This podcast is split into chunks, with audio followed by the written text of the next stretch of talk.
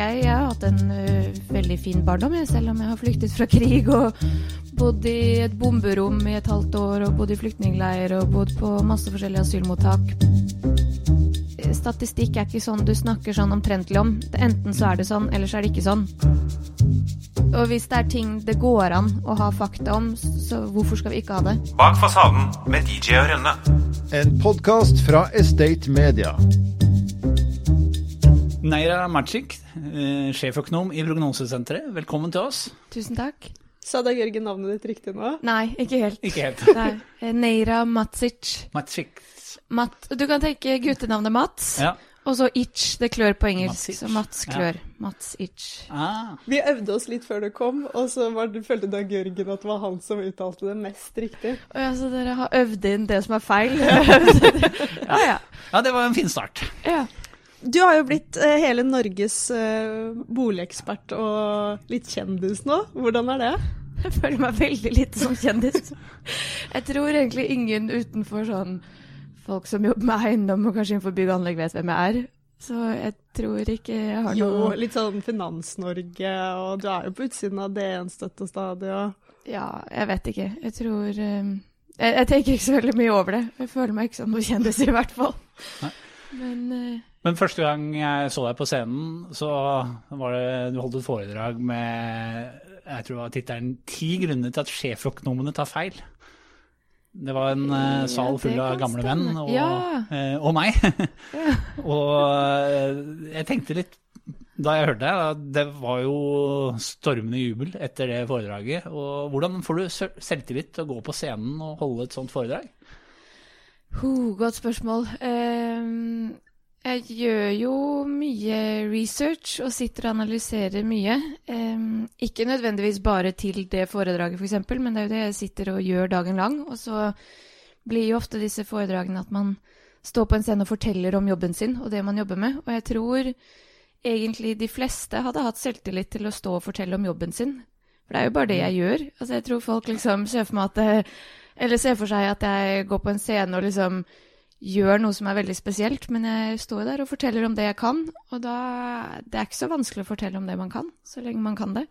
Så det er egentlig ikke så mye hokus pokus. Det er uh, første gang Nå husker jeg ikke helt uh, når første foredrag var, men det var um, veldig kort tid etter at jeg hadde begynt i Prognosesenteret.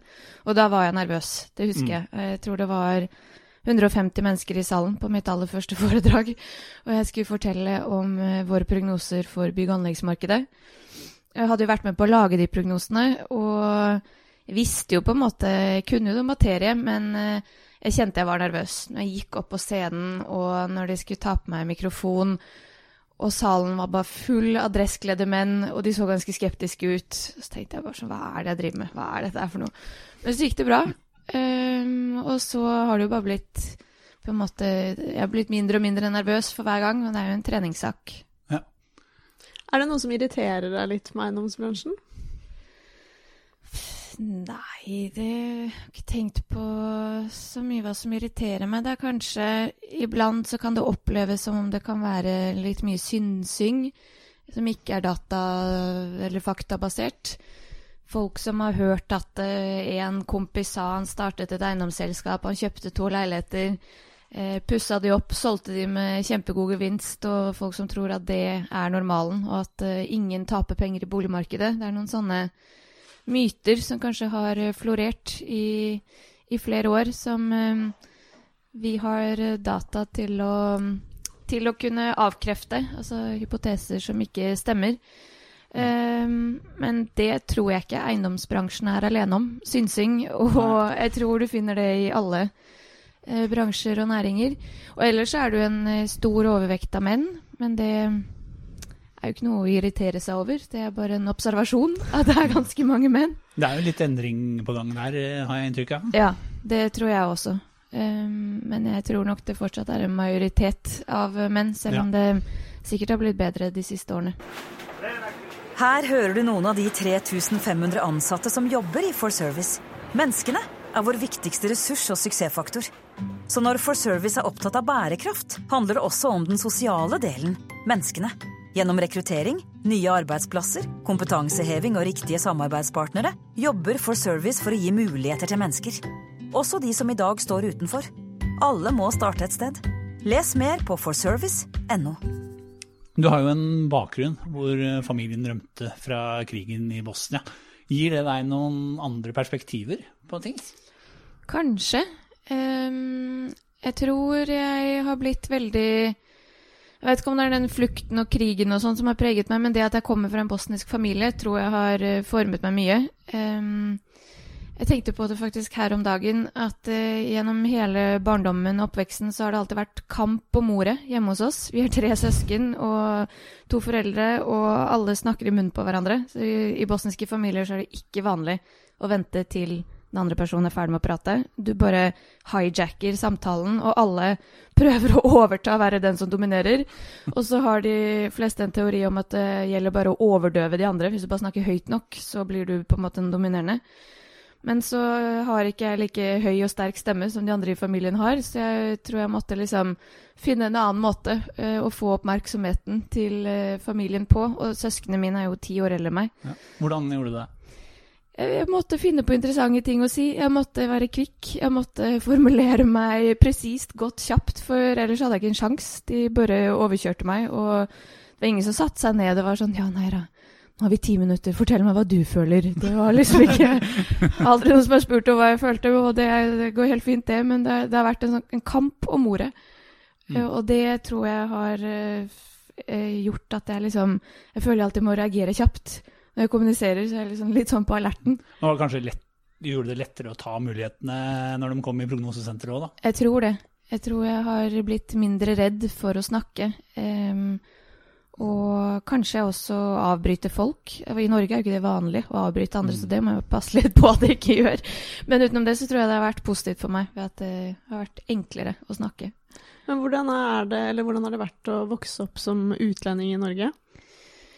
Um, det har vært uh, jeg, jeg vet ikke om det er fordi jeg kommer fra Bosnia, som ikke er et så annerledes land fra Norge. Både i eh, hvordan bosniere ser ut, og kulturen er jo litt annerledes, men det er ikke så store forskjeller. Så jeg tror kanskje det er eh, litt mer utfordrende hvis du kommer fra et land som er mer forskjellig fra Norge. Så det har gått veldig fint, men jeg har jo merket sånn opp igjennom at eh, det er eh, veldig mye som er annerledes i min familie fra mine venners familier og bekjente sin familie. Og kanskje spesielt det familiefokuset, altså hvor mye tid jeg tilbringer med min familie, er veldig annerledes, tror jeg, fra, fra en typisk eh, norsk eh, 30-åring. Eh, Så det har eh, jeg, jeg har hatt en eh, veldig fin barndom, jeg, selv om jeg har flyktet fra krig og bodd i et bomberom i et halvt år, og bodd i flyktningleir og bodd på masse forskjellige asylmottak. Men det, det henger nok også sammen med at jeg ikke har veldig klare minner fra krigen. Det første tydelige minnet jeg har, er fra Sunndalsøra, når vi kom til eh, jeg vet ikke om det var asylmottak nummer fire eller fem, ja, men det var på en måte det første asylmottaket der vi ble boende. Så der bodde vi et år. Og der husker jeg det var snø når vi kom dit. Jeg er litt usikker på om jeg hadde sett snø før det. Og det var masse barn der fra hele verden, fra Rwanda, for det hadde vært borgerkrig der. Barn fra ulike afrikanske land, og, og vi, da. En, en god del bosnere som satt der. Og vi var vel syv stykker som bodde i en leilighet på sånn 35 kvadrat, kanskje 40. Der bodde vi et år. Og jeg visste jo ikke da at det ikke var sånn andre bodde. Så jeg tror alt er, alt er relativt, for å si det sånn. Og um, det, det som var verst for søsknene mine, for de var jo da åtte og ni år eldre, er de vel, men um, de eh, husker jo alt fra krigen, og de har et veldig mye mer bevisst forhold til det. Mm. Og de husker jo også veldig godt at vi hadde et eh, superfint liv i Bosnia før krigen. De, eh, vi bodde i en veldig fin leilighet, vi hadde hytte, vi hadde bil, vi hadde sparepenger på konto, alt det forsvant jo. Så de fikk på en måte det livet revet fra seg, og så blir de kastet ut til et asylmottak. Mens for meg, jeg tror du som barn så starter du nesten med blanke ark hele tiden. Og det er en fordel, Ja. at jeg var så liten. Hva er du mest stolt av med kulturen din? Eh, mye. Veldig mye. Jeg, og jo eldre jeg blir, jo mer eh, ser jeg egentlig alle de positive sidene ved den bosniske kulturen. Det ene er jo at jeg nesten ikke kjenner en eneste bosner som er ensom. Og det er ikke fordi man ikke snakker om ensomhet. Det er ikke fordi det er tabu, eller fordi folk lever et fasadeliv, men jeg tror rett og slett det er veldig mye mindre ensomhet. Fordi folk er mye mer sammen. Mer sammen med familie, mer sammen med venner. Man snakker mye mer om alt. Det er ingen som holder noe inne. Du kan eh, møte på naboen din i oppgangen, og så kommer du med en rant over hvor slitsomt livet er den dagen, og det er helt normalt å gjøre det. Så det virker som folk tømmer seg hele tiden, og det virker som alle har noen å tømme seg til. Og det eh, er ikke tilfellet her i Norge. Det er så mange som lever ensomme liv, og det syns jeg er utrolig trist. At, eh, at den ensomheten har blitt et så stort problem. Så det er kanskje noe fra den bosniske kulturen som jeg syns er eh, finest. Altså måten folk Jeg tror ikke de tenker over det i sine dagligdagse liv, men de folk er bare veldig inkluderende, åpne, sosiale. Um, så det er veldig Og dette med at man deler veldig. Jeg opplever alle som veldig rause. Altså når jeg drar ned og besøker familien min, så Gjennomsnittslønnen i Bosnia er vel en sånn 4000 kroner i, i måneden. Eh, skal se Ja, det blir rundt der. 4000 kroner i måneden. Og ja, ting er billigere enn her, men det er ikke så mye billigere, så folk flest har eh, lav kjøpekraft og dårlig råd. Men hver gang jeg har vært på besøk og jeg har tatt med meg mange av mine norske venner, så bare gir de alt de har. De, de bare åpner hjemmene sine, og det lages mat til 50 stykker, selv om vi er tre som kommer på besøk. Og det er bare den rausheten som er um, en skikkelig skikkelig fin del av den kulturen. Er det kulturen. noe vi trenger mer av i det norske samfunnet? Ja. Litt ledende spørsmål. Ja, jeg syns det. Jeg syns folk blir litt for uh, opptatt med seg og sitt og, og uh, Kanskje jeg sier ikke at nordmenn er gjerrig, men uh, eh, det er veldig mange i dette landet her som også er rause, men eh, jeg opplever det som mer vanlig i Bosnia enn her. Apropos det, så tenker jeg Jeg så på Facebook nå nylig, så har du delt et sånt eh, opprop. Ja, det er en sånn underskriftskampanje for at eh, bosniske pensjonister i Norge skal få samme pensjonsrettigheter som andre flyktninger.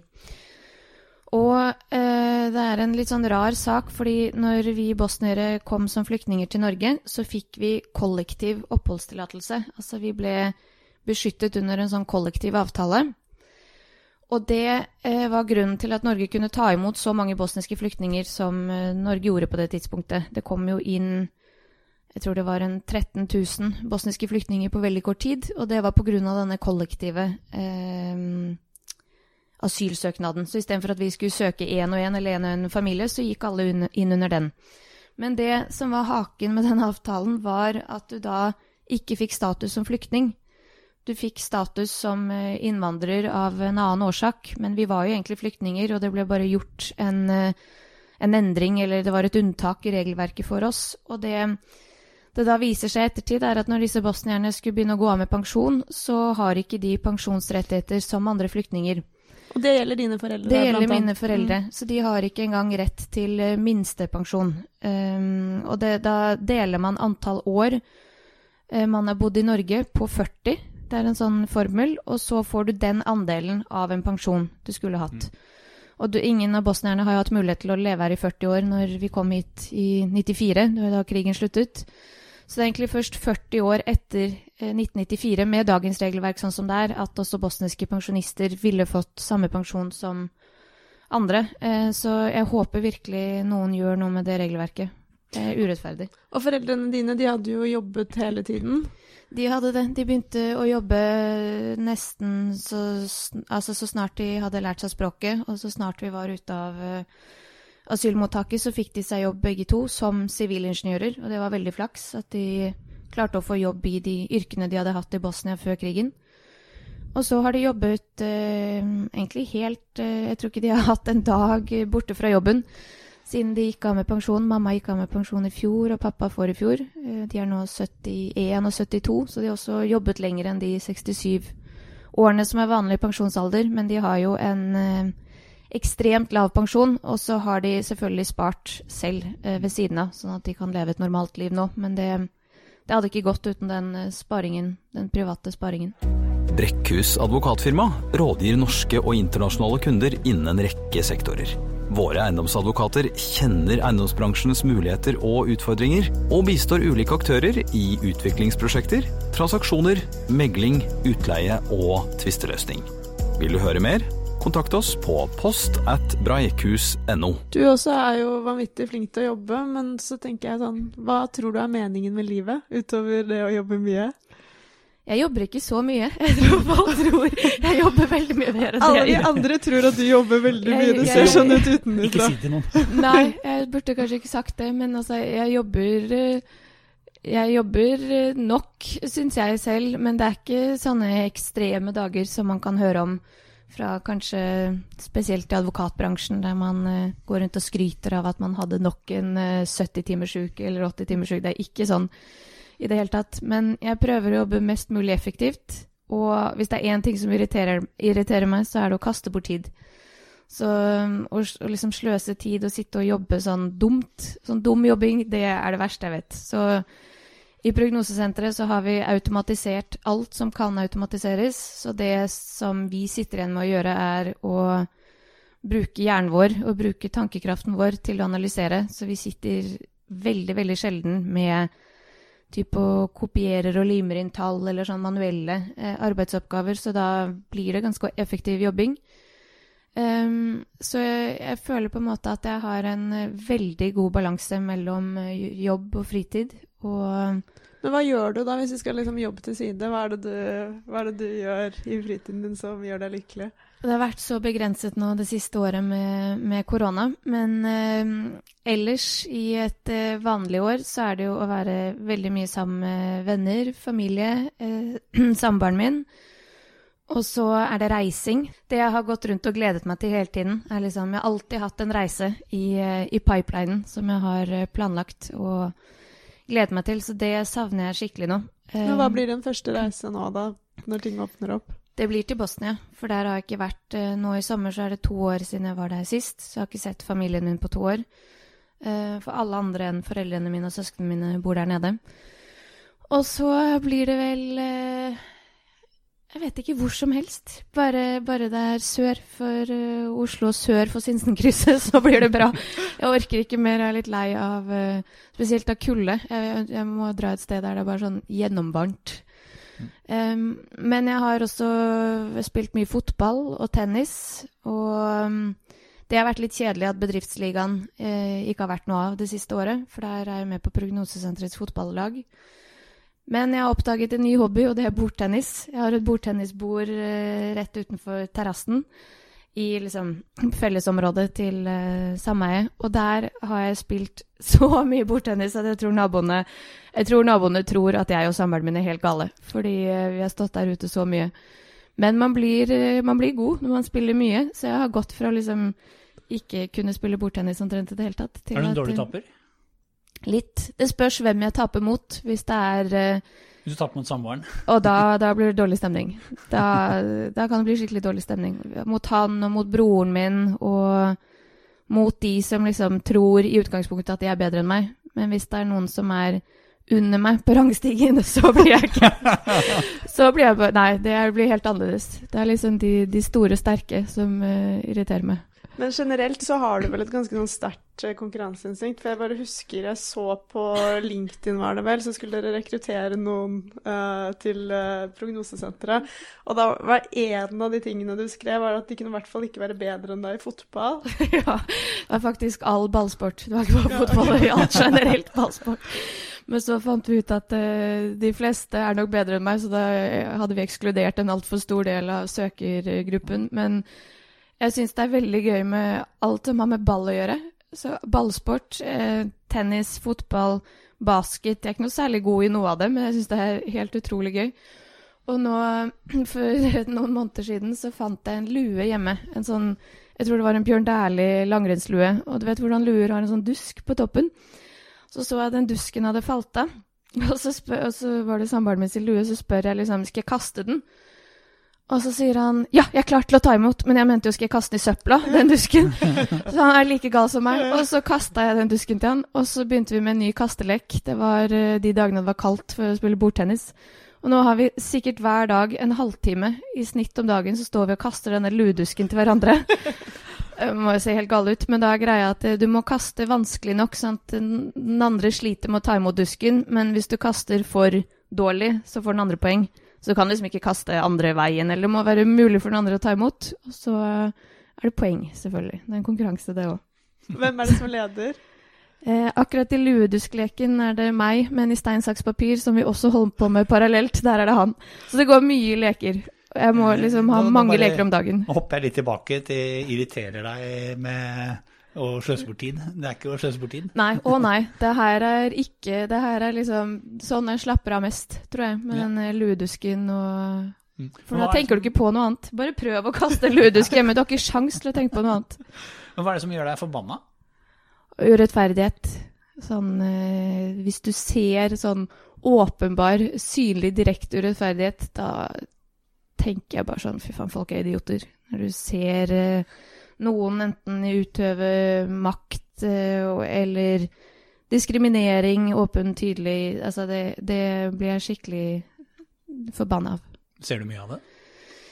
Heldigvis ikke så mye, men man ser det jo fra tid til annen. Mm. Og man uh, hører kanskje mer sånn småkommentarer som uh, er bare helt malplassert, og kanskje ikke vondt ment engang, men så ser du at uh, mottakeren oppfatter det som, som noe sårende. Og ja, sånne ting syns jeg bare er eh, trist og unødvendig. Jeg husker at jeg intervjuet deg for noen år siden, og da sa du at alle bør jobbe i butikk i løpet av livet sitt. Hvorfor det? jo, fordi jeg jobbet jo i museumsbutikken på Bogstad gård i åtte år, tror jeg. eh, Mens jeg gikk på videregående og mens jeg studerte. Og du møter jo så mye forskjellige folk. Og du snakker med folk fra alle samfunnsklasser og lag, og um, kunden har alltid rett, så du må være ydmyk hele tiden. Og uansett hvor eh, kanskje kverulant du er i utgangspunktet, så kan du ikke være kverulant når du jobber som selger. Du må liksom bare gi etter. Um, men mest av alt så lærte jeg jo gjennom den jobben at det å bare snakke med folk, og snakke med fremmede, hvor eh, gøy det kan være. Og jeg hadde jo mange stamkunder. Og i løpet av åtte år, når noen liksom kommer innom hver helg, så blir du ganske godt kjent med dem. Og det var mye eldre folk og mye ensomme folk. Det var folk som kom inn, uh, inn på butikken der, og jeg visste jo at de aldri skulle kjøpe noe. De kjøpte aldri noe i løpet av åtte år, men de kom inn, og så slo vi av en prat. Og så gikk det ut igjen. Og, og jeg fikk liksom inntrykk av at det var, det var få andre de hadde snakket med den dagen eller den uka. Og, jeg, og det var mye eldre folk. Så det var kanskje der jeg begynte å tenke litt over dette med ensomhet, og at det er eh, Jeg tror det er altfor mange som lever ensomme liv. Og da er det godt det fins butikker og butikkansatte som har eh, tid til å slå av en prat. Og det tror jeg butikkansatte over hele Norge gjør. Mm. Jeg tror de snakker veldig mye med, med kundene. Du har jo drevet eh, butikk litt selv, eh, selv om det har vært en nettbutikk. Eh, Bass, Mm. kan du fortelle om det? Det var et uh, prosjekt eh, jeg og eksen min startet. Og så når vi eh, slo opp og gikk hvert i vårt, så fant vi ut at det var litt rart hvis den ene av oss skulle fortsette med det, så derfor la vi det ned. Men det var uh, rett og slett sekker og vesker av skinn som vi hadde designet. ehm, og som ble laget for hånd. og så gikk hele overskuddet til Unicef. Så alt vi satt igjen med etter at vi hadde betalt våre kostnader, det ga vi til Unicef. Um, og det var veldig gøy. Og et veldig annerledes eh, prosjekt fra det jeg jobber med til daglig.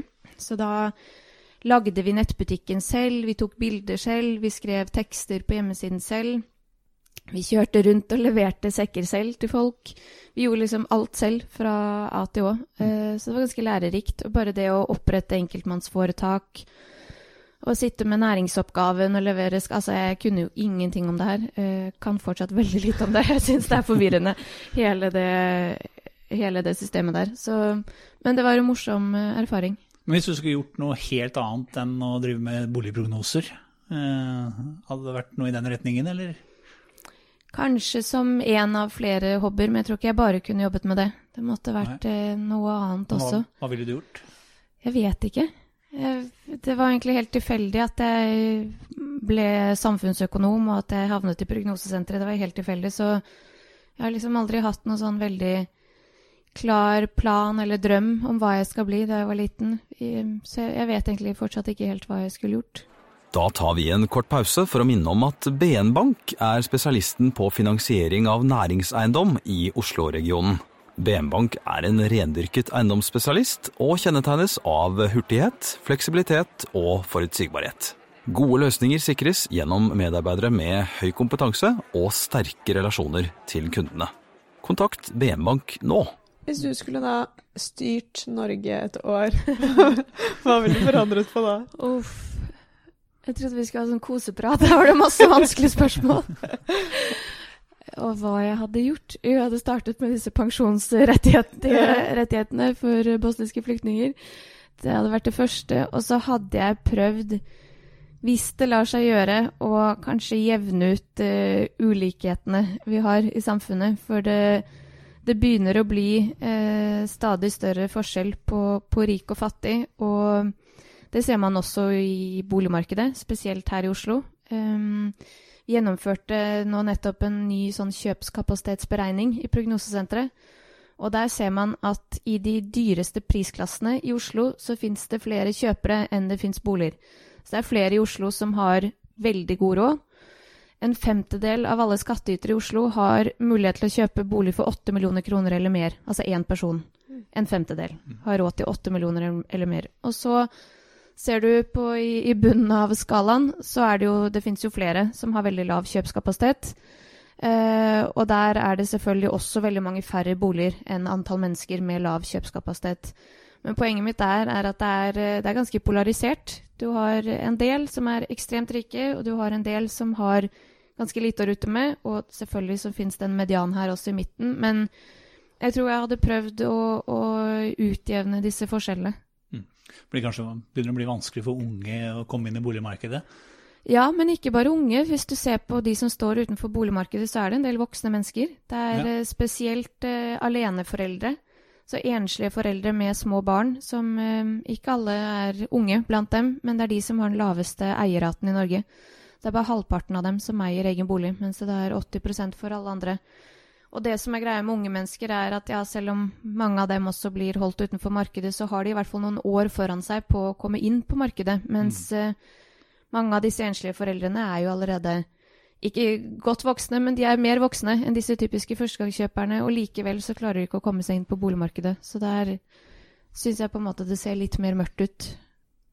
Du har jo selv kjøpt eh, leilighet på Vinslottet på Hasle. Mm. Kjøpte du med hjertet da, eller tenkte du at åh, det området her har jeg veldig troen på? Jeg kjøpte veldig med hjertet, og nesten bare pga. takhøyden. For det er 3,8 meters takhøyde, så det trumfet alt. Og jeg hadde jo aldri vært i området før, jeg kjente ikke noe til det. Og jeg så bare mm, på de 3D-tegningene at uh, denne leiligheten her skulle ha 3,8 meters takhøyde. Jeg syntes det så så kult ut det så så luftig ut, og det så, så det var derfor jeg slo til. Um, senere så har det også vist seg å ha vært en veldig god investering, for prisstigningen har vært veldig stor. Det har den jo vært over hele Oslo, men jeg tror den har vært spesielt stor der og på det prosjektet. Um, for det var ganske lave priser uh, da jeg kjøpte det, må jeg være helt ærlig å si at det var kvadratmeterpriser som var uh, under uh, snittet. Så. Men jeg ser jo stadig vekk at du Eller stadig vekk, jeg har sett det, da. At du diskuterer boligmarkedet med Bård Schumann på Facebook. Ja.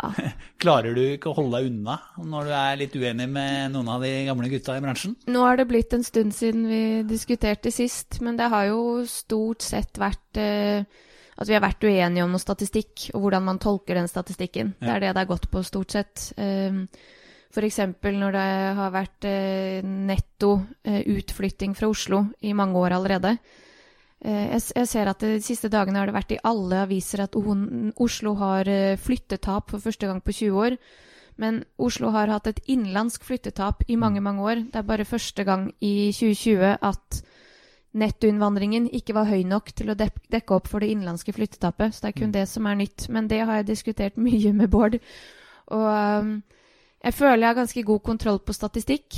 Um, han har sikkert mye bedre Han sitter nærmere på markedet. Han har mer uh, kontakt med, med, andre utbyggere og de som Så vi har jo to forskjellige tilnærminger. er det synsing? Ikke nødvendigvis. Jeg tror uh, om han selv ikke sitter og roter i statistikkbanker, så har han vel ansatte som gjør det for han, og kanskje de gjør det sammen òg, Men uh, jeg, jeg, er litt sånn statistikk er ikke sånn du snakker sånn omtrentlig om. Enten så mm. er det sånn, eller så er det ikke sånn. Jeg liker ikke når folk eh, slenger ut noe ting, og så er det kanskje ikke helt riktig, og så slipper du unna med det. Så det er det jeg prøver å ta folk på, og jeg håper andre også vil ta meg. Ja. Men Hvem er det du mener tar mest feil om bolig i Norge, da? Hvilke miljøer, eller uh, vanskelig. Det er vel um, noen makroøkonomer som hovedsakelig analyserer aksjemarkedet, og så uttaler de seg om boligmarkedet, og da tenderer det å bli feil. Men så er de veldig gode på aksjer og gode på makroøkonomi. Eh, det er jo én person som har bomma på boligprisene i flere tiår i Norge, og det er Harald Magnus. Andreassen. Men jeg har jo diskutert mye med han, og det som er så interessant med han, er at han Vi har eh, veldig den samme tolkningen av dataene vi ser, og han har, vi har veldig lik forståelse av markedet, men likevel så blir hans prognoser så annerledes. Så det er ganske interessant. At han har vært så negativ og så pessimistisk til boligprisene over så lang tid. Men jeg må bare litt tilbake igjen, for jeg tenker Er du sånn generelt, eh, når det kommer til livet, at du egentlig ikke vil ha noe synsing? Du vil på en måte ha facts? Ja.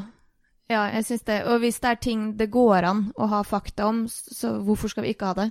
Hvis det er ting som er litt, sånn, litt i gråsonen, så er det jo veldig greit. Men sånn hvis vi skal sitte og snakke om tall, uansett om det er eh, innvandring, eller om det er BNP, eller om det er eh, ting som ikke har noe med Norge å gjøre, altså vi så valgkampen i USA, så er det jo bare trist å se hvor lite verdsatt fakta er og hvor vanlig det er blitt å bare spre rundt seg med løgner.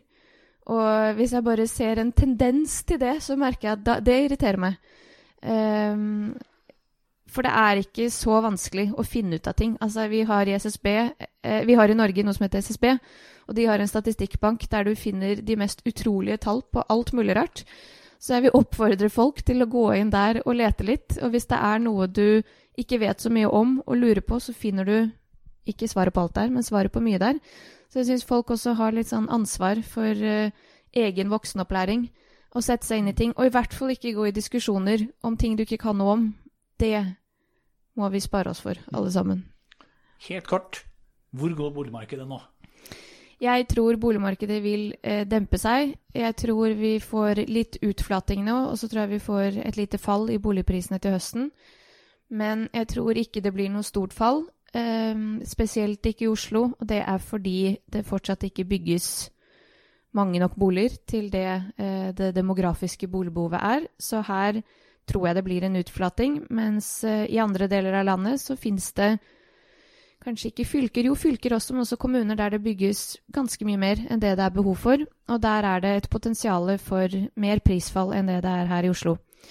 Men sånn, eh, jeg tror når vi får første renteøkning i enten september eller desember, at det vil begynne å dempe prisene. Jeg tror ikke en renteøkning på 0,25 prosentpoeng vil føre til noe sånn fall automatisk, men at det demper stemningen litt. Og så tror jeg at når vi alle er vaksinert og kan begynne å reise igjen og begynne å dra på restauranter og sitte ute og drikke øl med venner, så tror jeg vi kommer til å sitte mindre på finn.no. Jeg tror vi kommer til å dra på færre visninger, og jeg tror vi kommer til å bli mindre eller være mindre opptatt av boliger og hytter, for det har vært en sånn slags mani det siste året. Folk har vært helt gale. Så jeg tror rett og slett det er flere ting som kommer til å føre til at etterspørselen roer seg litt ned. Og etter hvert så vil også tilbudssiden komme opp. Eh, Så derfor så tror jeg prisene vil først flate litt ut, og så gå litt ned. Men ingen dramatikk, så det er egentlig en veldig kjedelig prognose. Jeg tror ikke vi kommer til å få noe krakk. Bak fasaden med DJ og Rønne.